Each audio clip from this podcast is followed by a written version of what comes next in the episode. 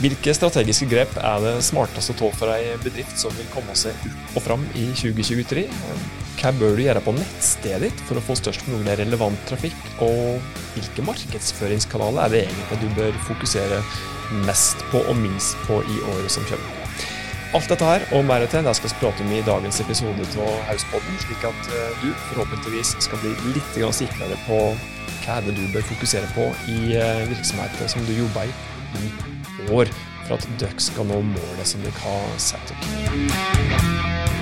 Velkommen til nok en episode av Hauspodden, og hei til Hege og hei til Hanne. Hallo, hallo. Hei. Og nå har vi jo null snøring på når lytterne hører på denne podkastepisoden her, men vi tar en råsjanse likevel å si godt nyttår. Ja, det er på, på plass, det. Yes, rett på sak. Det skal handle om uh, året 2023. Og nå har vi jo hatt uh, denne podkasten her i flere år, og jeg kan jo huske tilbake til det første året, så var det vel slik at oss ved årsskiftet tenkte som så at nei, hva søren er det som gjelder neste år, da?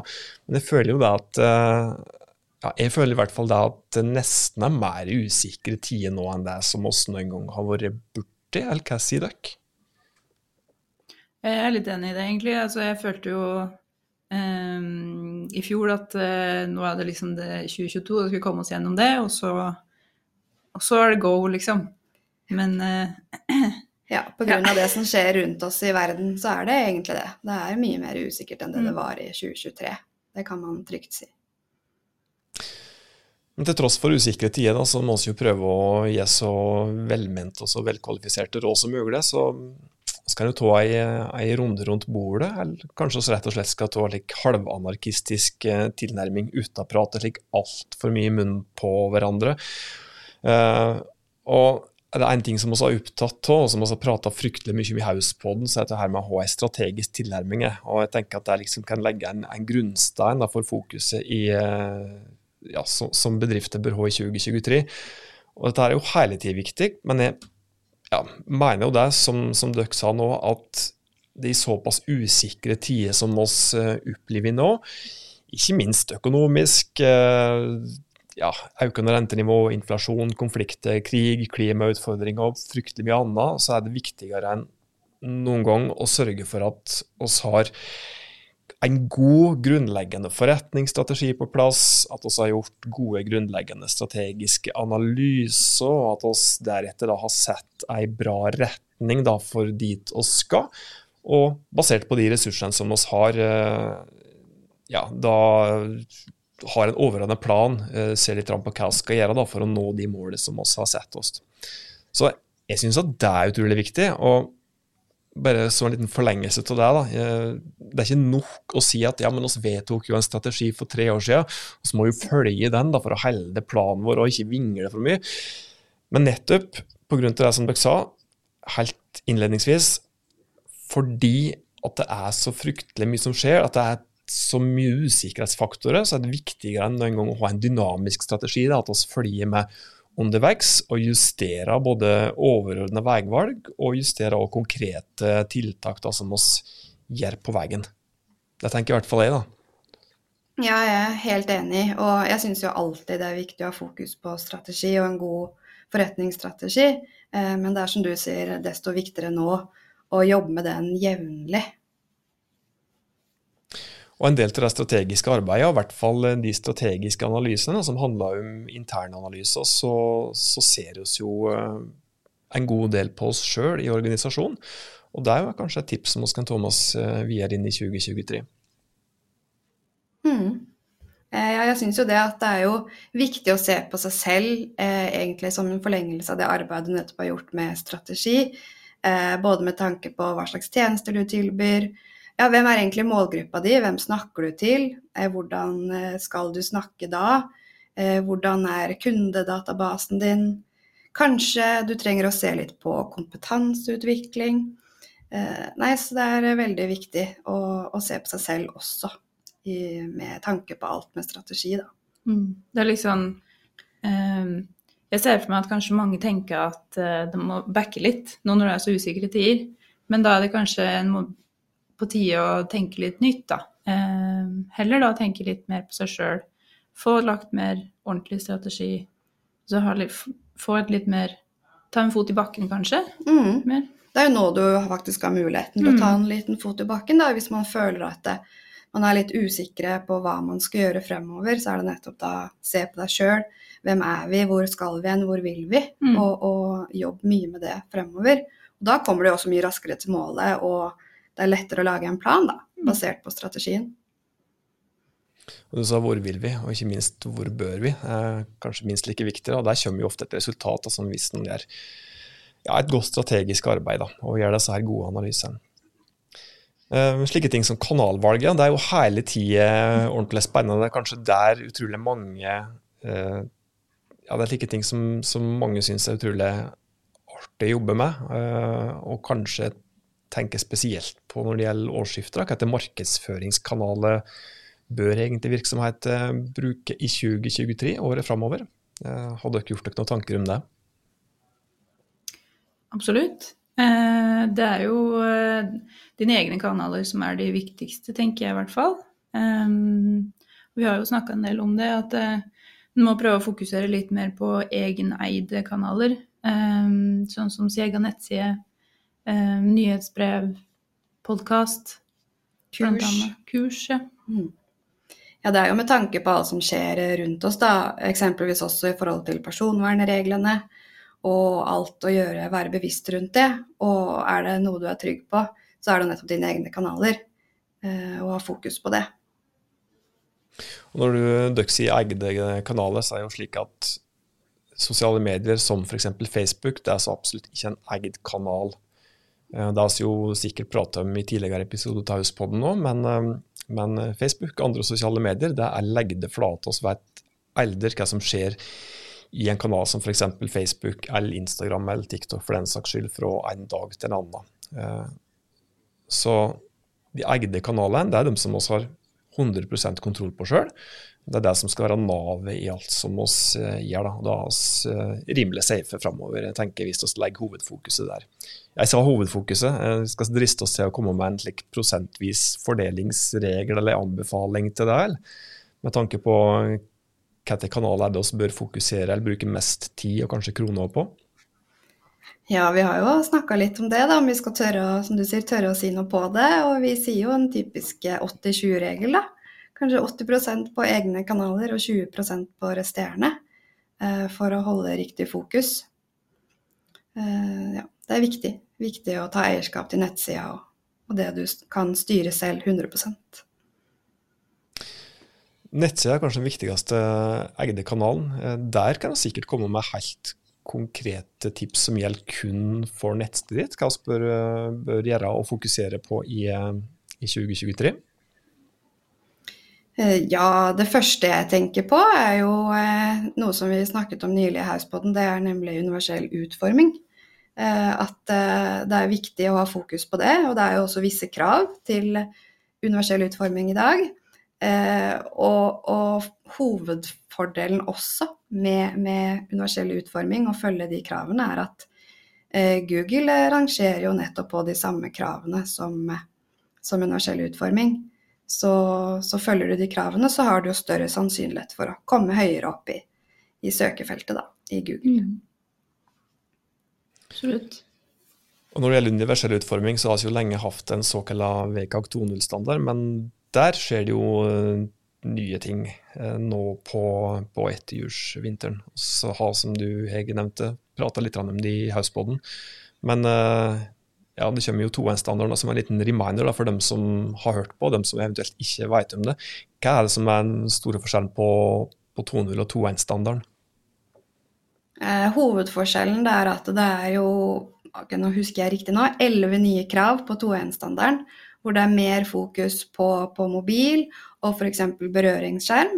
Eh, men også ikke minst dette med at eh, alle offentlige, det her gjelder jo da offentlige, eh, Først må fylle ut Men de først private kommer sikkert eh, som et skudd. Ja, de gjør nok det. Eh, De må fylle ut en eh, såkalt tilgjengelighetserklæring, hvor de krysser av på en liste på at de har fulgt alle kravene. Og det gjelder jo da fra 1.2 i år. Så litt strengere regler når det gjelder universell utforming, og foreløpig altså kun for offentlige nettsteder. Mm. Men generelt sett, vår anbefaling, sørg for at du har ei universelt utforma nettside i henhold til de kravene som gjelder for akkurat de virksomhet. Så er det mye større sannsynlighet, som du Ege sa, for at du rangerer godt i søkeresultatet. Det er andre ting også som skjer på, på nettsidefronten, og spesielt analysebiten. Der er altså jo så må vi være så ærlige og si at vi har vingla bitte lite grann i løpet av det siste året når det gjelder hvilke typer analyseverktøy vi egentlig anbefaler bedrifter å bruke på nettstedet sitt. Det er klart. Det er um, Altså, Google Analytics har jo vært en god traver i så mange år. Uh, så når uh, juni banker på døra, så Og den uh, Google, Google, Analytics Universal er over og ut, takk for seg, så um, må man begynne å ta litt grep og tenke litt nytt, egentlig. Ja. Um, det er jo GA4, uh, men igjen, det er Google, og det er dataavtaler som ikke er helt på plass. Det er personvern, det er mye som ikke er i orden ennå. Um, som har ført til at man begynner å se på andre typer verktøy. Um, og som du sier, Tormod, så er det jo vanskelig å finne en god, god uh, erstatter. Eller bedre mm. type, eller ja. Mm. Ja, det finnes jo veldig mange å velge mellom. Mm. Uh, men vår anbefaling er vel egentlig, i og med at det er så, såpass usikre tider der òg, å bare bytte det ut med et annet statistikkverktøy som du foretrekker, da. I hvert fall per dags dato så tenker jeg det at det er kanskje ikke et Google-verktøy som du bør bruke. Altså du bør kanskje ikke bruke Google Analytics 4 mm. Slik per dags dato, slik ståa er. For det siste utviklingen i den saken var jo da at danske datatilsynet gikk ut i, ja, på førjulsvinteren og sa at heller ikke Google Analytics 4 er god nok med tanke på personvern rett ut av boksen, med mindre du faktisk går inn i koder og gjør endringer som da kanskje er noe som de færreste har kompetanse for hvordan de egentlig skal gå fram for å gjøre. Da.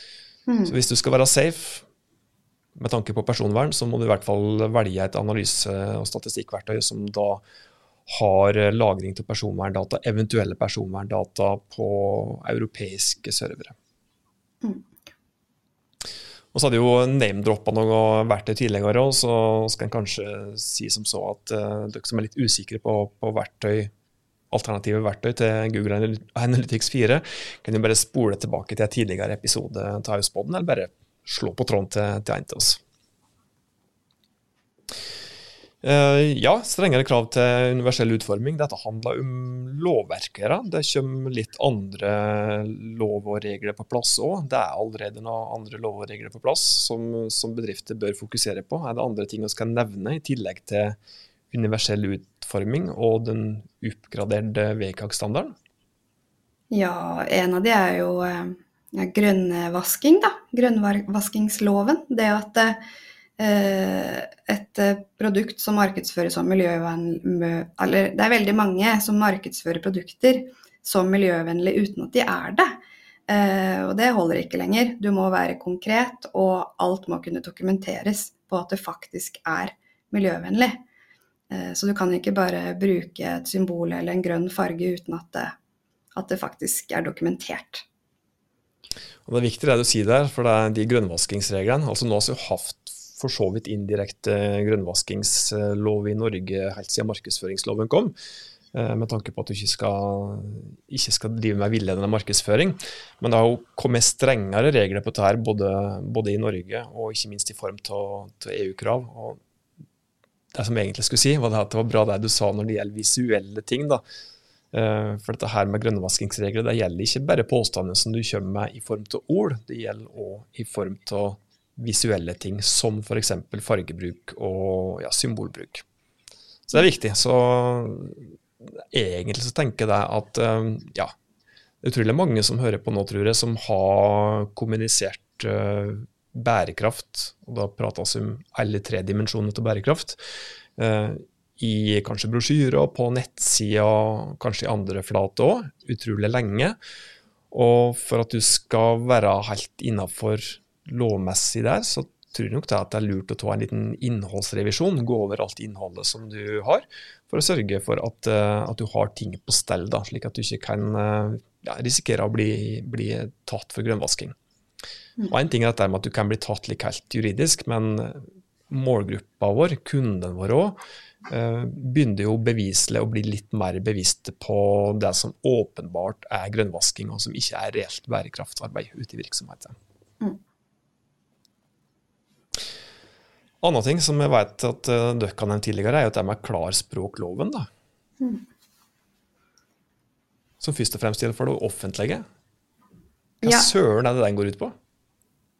Nei, det er jo Det sier jo det, den loven sier det i seg selv, egentlig. Du skal snakke på et språk som er klart og korrekt, og tilpassa målgruppa di, egentlig.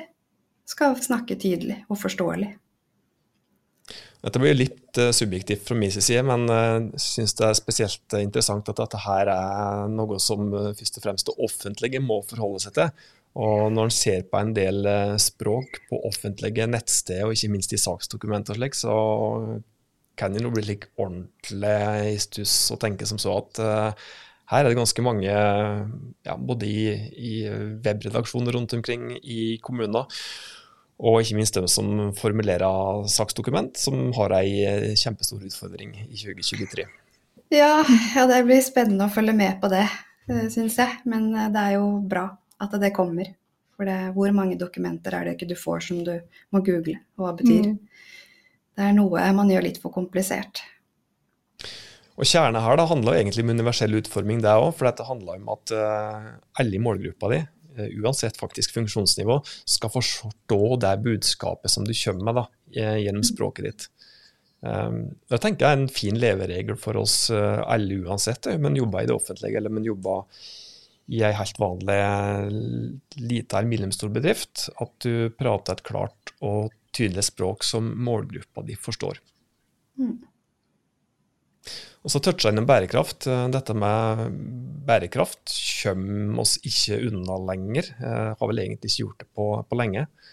Eh, så det er noe som jeg ønsker å slå et lite slag for.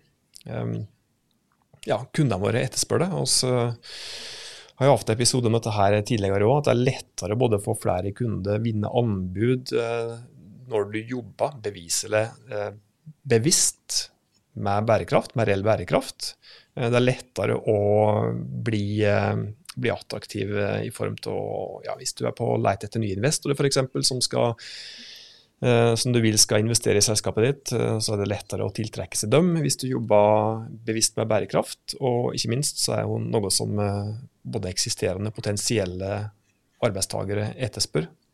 Har gjort lenge, så er det at ja, folk vil gjerne jobbe i virksomheter som da jobber mot noe større, og som jobber bevisst med, med, bærekraft. Enten det er klima, miljø eller sosial bærekraft. Kanskje spesielt de to dimensjonene der. Så for mm. dem som ikke har gjort det uh, fra før, så tenker jeg kanskje at uh, det i hvert fall kan være verdt å vurdere å begynne jobben med å få på plass en bærekraftstrategi i 2023. Ja, det er som vi har snakket om før, du kommer ikke unna med det. Så, og det er fordi det blir etterspurt, så det er viktig å sette seg ned og ja, jobbe mer konkret. Har vi noen andre tips på tampen før vi kan begynne å runde av? Det er jo mye som skjer i, i, i verden. Vi kunne sikkert prate her i flere dager i strekk. Ja, jeg merker jo det. Nei, det er jo litt sånn Det er jo mange også som Det er jo litt usikre tider, og kanskje alle ikke har eh, så mye i pengeboka. Eh, så er det jo hva er det man skal da fokusere på. Eh, og jeg tenker jo litt som vi startet med innledningsvis, ha mer fokus på strategiarbeid, investere i det. Og sette de rette tiltaka.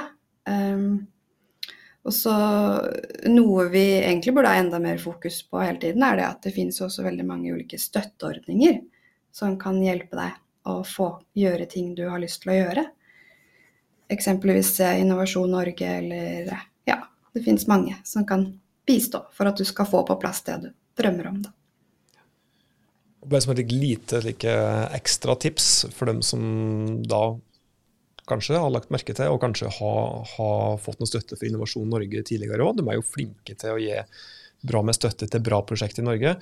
Eh, de har jo hele tiden mer og mer fokus på å gi en større del til potten til, til prosjekt som da de kan hekte på en bærekraftknagg. Og ved årsskiftet nå, eh, siste tallet som jeg så, så var det slik at, at eh, to tredjedeler av de midlene som de har til disposisjon, de gikk til prosjekt med såkalt positive miljøeffekter. Mm. Så er det kunstig intelligens da, som, eh, som er i rasende utvikling på alle mulige områder. Og det siste som vi har hørt uh, nå i det siste, jeg vil ikke si at det er hypa nødvendigvis, noe som heter ChatGPT. Har dere testa ut det? Og kan også anbefale dem som lytter på podkasten, å, begynne å bruke det? Jeg har bare testa så vidt, så jeg vet ikke. Jeg har ikke testa det, jeg har bare lest og sett, skulle jeg si. Ja. Jeg ikke testa det sjøl. Ja. Du? Ja. Jeg, jeg testa ut litt sjøl, da. Jeg har gjort det. Uh, ja. For det at uh, Ja. Diskusjonen rundt dette her nå som har vært de siste, har jo bl.a. gått på det her med duplikat innhold, og det at du kan jukse litt på eksamen og like ting. For det som chat eh, GPT kan gjøre for det, er at du kan fòre det verktøyet til å f.eks. skrive en, ja, en eksamensbesvarelse av et konkret tema, eller skrive et fagblogginnlegg, en artikkel på neste, rett og slett. Og jeg mm. tester ut litt sjøl, på ulike tema, og syns nok det at uh, det er ikke så aller verst. Uh, men jeg vil nok ikke bruke de artiklene som kommer ut der rett til boksen, for de er helt tydelig ikke skrevet av et ordentlig kompetent uh, innholdsprodusent menneske, for å si det slik. Ja. Men da bruke det for å få gode innholdsideer, og ideer som kan hjelpe deg til å lage bedre innhold, det tror jeg nok så absolutt at det kan fungere bra som ja, allerede i dag, da. Mm. Og så er det jo ikke tilpassa altså alle, alle land ennå. Det er jo ikke Denne maskinen kjenner jo ikke alt om Norge og konkrete selskaper hvis du søker på det, eller det er mer tilpassa USA f.eks. For foreløpig. Mm. Uh, men det er jo helt riktig som du sier, at, uh, at, du kan bruke det som inspirasjon og til å lete, men uh, Nei, mennesker eh, trumfer eh, fortsatt eh, maskiner. Så mm. Og ikke minst Ikke minst Mennesker skriver jo for folk, det gjør ikke en maskin. Nemlig. Og Da er vi inne på det med tone of voice, da, som er vanskelig å, å etterligne med kunstig intelligens. Det vil si, det finnes vel eksempel på at, at ChatGPT har ja, i hvert fall forsøksvis prøvd å få til noe der. da. Så jeg testa ut litt sjøl Eh, før vi gikk på, på opptak nå på podkasten, eh, der jeg da ba ChatGPT om å skrive en, eh, en, artikkel om hvordan du kan få sprø svor på ribba, med Arne Brimis tone of voice. Og Da fikk jeg en stor blinkende svart prikk der, for da, da sleit den ordentlig. Ja. Så der står den og blinker fremdeles. Så ja. Um, kunstig intelligens i kombo med Arne Brimi, det fungerer fremdeles ikke. Kanskje enn så lenge. Skal vi begynne å runde av, eller? Ja. Mm. Jeg syns vi har fått med oss uh, mye av det, uh, det viktigste, egentlig. Mm. Med det som er viktig å tenke på i 2023. Og hvis vi skal komme med en endelig konklusjon til slutt, så blir det nok det at vi uh, ja, som alltid vil at folk skal ha en strategisk tilnærming til det en gjør, og kanskje enda oftere enn før være ordentlig på på å gjøre justeringer underveis etter hvert som ting skjer i år. For det kommer garantert til å skje fryktelig mye i år òg. Mm. Ja, en liten ting på tampen, faktisk. Jeg syns det er veldig viktig også å pleie kundeforholdet. Og pleie de som er verdt å pleie. Fordi eh, du sitter jo på mange gode kunder. Og prioriter riktig, og fokusere på det som gjør deg godt, hvis det går an å si også. Som gir deg noe i arbeidsdagen. Mm. Det var fine ord. Det handla handler egentlig om det som vi avslutta hver eneste podkastepisode med. Så godt å være på det og dine.